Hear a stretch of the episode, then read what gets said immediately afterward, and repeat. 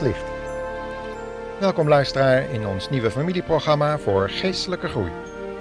Ons thema voor vandaag is een morgengebed. Er wordt wat afgeroepen in de wereld. Overdag, tijdens je werk, op school, op het sportveld om favoriete spelers aan te vuren. Als we nou eens geen stem of tong hadden, op welke manier zouden we dan onze verlangens bekend moeten maken? Alleen gehandicapten kunnen hier eigenlijk over meepraten. Zij weten uit ervaring wat het betekent om geen stem te hebben. Toch beschrijft de Bijbel de mogelijkheid om zonder stemverheffing je wensen en vragen bekend te maken. De Bijbel noemt dat bidden, een ander woord voor communiceren met de Allerhoogste God en zijn Zoon Jezus Christus. In Psalm 5, die we vandaag met elkaar willen overdenken, beschrijft de psalmist hoe hij met God in contact komt middels het gebed. Hij noemt God zijn Heere. Dat wil zoveel zeggen als meester, gezaghebber, iemand die het voor het vertellen heeft in je leven. Tot deze verheven persoonlijkheid richt David dan zijn smeekbeden, heel nederig en ootmoedig, want David kent zijn plaats hier op aarde, al is hij dan de meest invloedrijke en geliefde grootvorst in die dagen, de koning van Israël.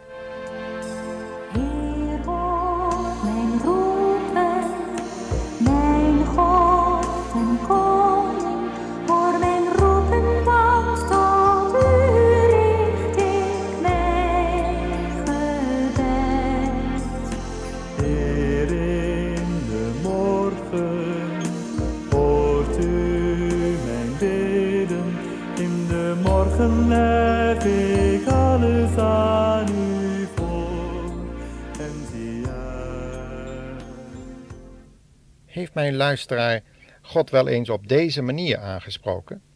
Zich gerealiseerd hoe groot God eigenlijk is? Ja, hij heeft veel genade gegeven aan zijn schepselen. Door zijn schepselen in de gelegenheid te stellen op elk uur van de dag bij hem te mogen aankloppen en om dan nooit belet te geven. Dat is een grote genade waar we maar weinig bij stilstaan. Want bij hoeveel invloedrijke personen kun je dat tegenwoordig nog doen? Je krijgt eerst een afspraak met de secretaresse en dan is het nog maar afwachten of er de nodige tijd gevonden wordt. En dan nog eens afwachten of die persoon nog wel bereid is om naar je te luisteren. Maar zo is het bij God niet. God heeft door middel van zijn Zoon, Jezus Christus, de mogelijkheid gegeven dat zondige mensen bij hem op audiëntie mogen komen. Dat kon eigenlijk niet, omdat God heilig is en geen relatie met zonde en ongehoorzaamheid kan hebben. Allemaal elementen die deel uitmaken van ons zondige bestaan. Het zijn immers onze zonden die scheiding maken tussen een heilig God en ons onheilige mensen. Maar de Heer Jezus Christus heeft door zijn werk op het kruis van Golgotha de scheiding weggenomen, de zonden verzoend en ieder die dat na ootmoedige beleidenis van eigen zonden in geloof aanvaardt, mag gebruik maken van de weg die Jezus heeft vrijgemaakt. Hij is zelf de weg. En hij noemde zich dan ook die enige rechte weg tot het vaderhart van God, zodat wij nu in de naam van de Heer Jezus tot die grote en heilige God mogen naderen. In het Oude Testament was deze mogelijkheid er ook wel, namelijk door middel van het bloed van een onschuldig lam, maar moest er telkens weer opnieuw een lam geslacht worden wanneer mensen gezondigd hadden. En er werd wat gezondigd. Maar door een lam te slachten, eigenhandig, bij de priester in de tabernakel, bij het altaar, dan werd de deur weer geopend naar de vergeving van zonden. En zo was in Davids tijd de tabernakel een plaats waar ook zonden werden vergeven en natuurlijk ook beleden. In die tabernakel woonde de heerlijkheid van God. En door middel van de priesterdienst kon je contact met die verheven God krijgen. Nu hebben wij geen bemiddeling meer nodig van menselijke priesters.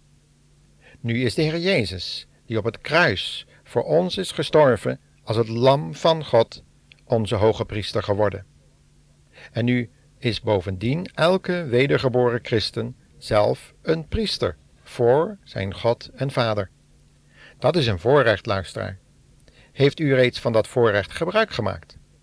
Houd er dan wel ernstig rekening mee dat David ook het volgende in zijn gebed verwoordde.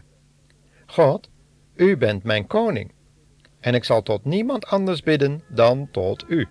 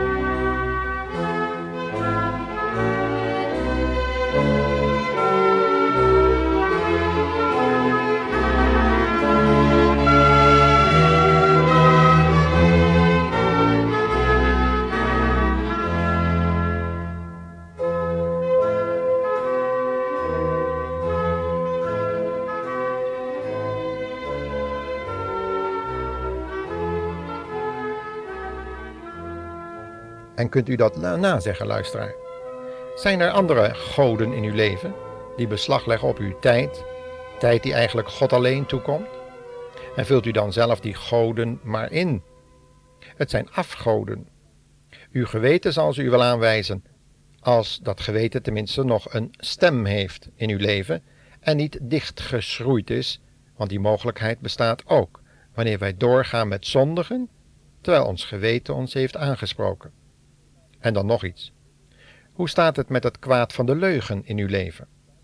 David wist dat de leugen tijdelijk voordeel kon brengen, naar het leek, maar dat de waarheid uiteindelijk en altijd zal zegevieren. Luister maar eens wat hij zegt in zijn psalm over het zuurdeeg van slechtheid en boosheid. Paulus heeft daar ook zorg over gehad toen hij zijn brief aan de Corinthiërs schreef. We moeten niet denken dat ons gebed hoger komt dan het plafond, wanneer we slechtheid en boosheid in ons hart blijven koesteren en dat weigeren te oordelen en weg te doen? Luister maar hoe hij dat onder woorden heeft gebracht.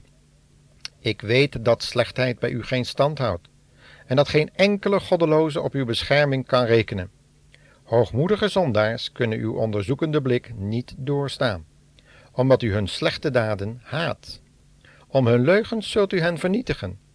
U verafschuwt moord en bedrog, heren, want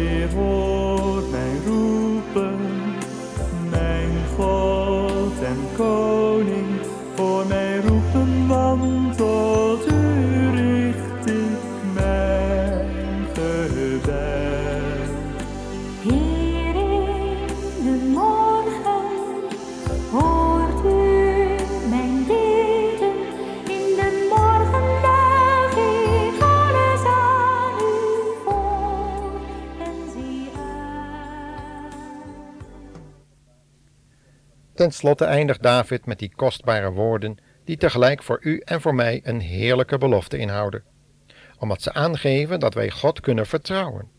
Iets wat niet altijd van onszelf en de mensen om ons heen gezegd kan worden, ook al noemen zij zich christenen. Het is waar wat hij zegt. Ieder die u lief heeft, zal overlopen van blijdschap. Maar hoe komt het dan dat zoveel christenen die overvloeiende beker niet kennen?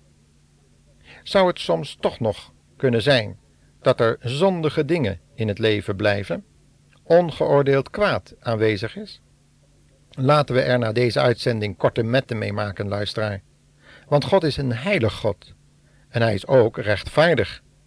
Hij kan vergeven en reinigen wanneer we bereid zijn opnieuw, met een schone lei dus, te beginnen.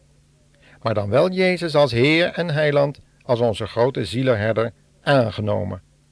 Dan kunnen we op zijn bescherming rekenen. Hij gaf zijn leven, ook voor u.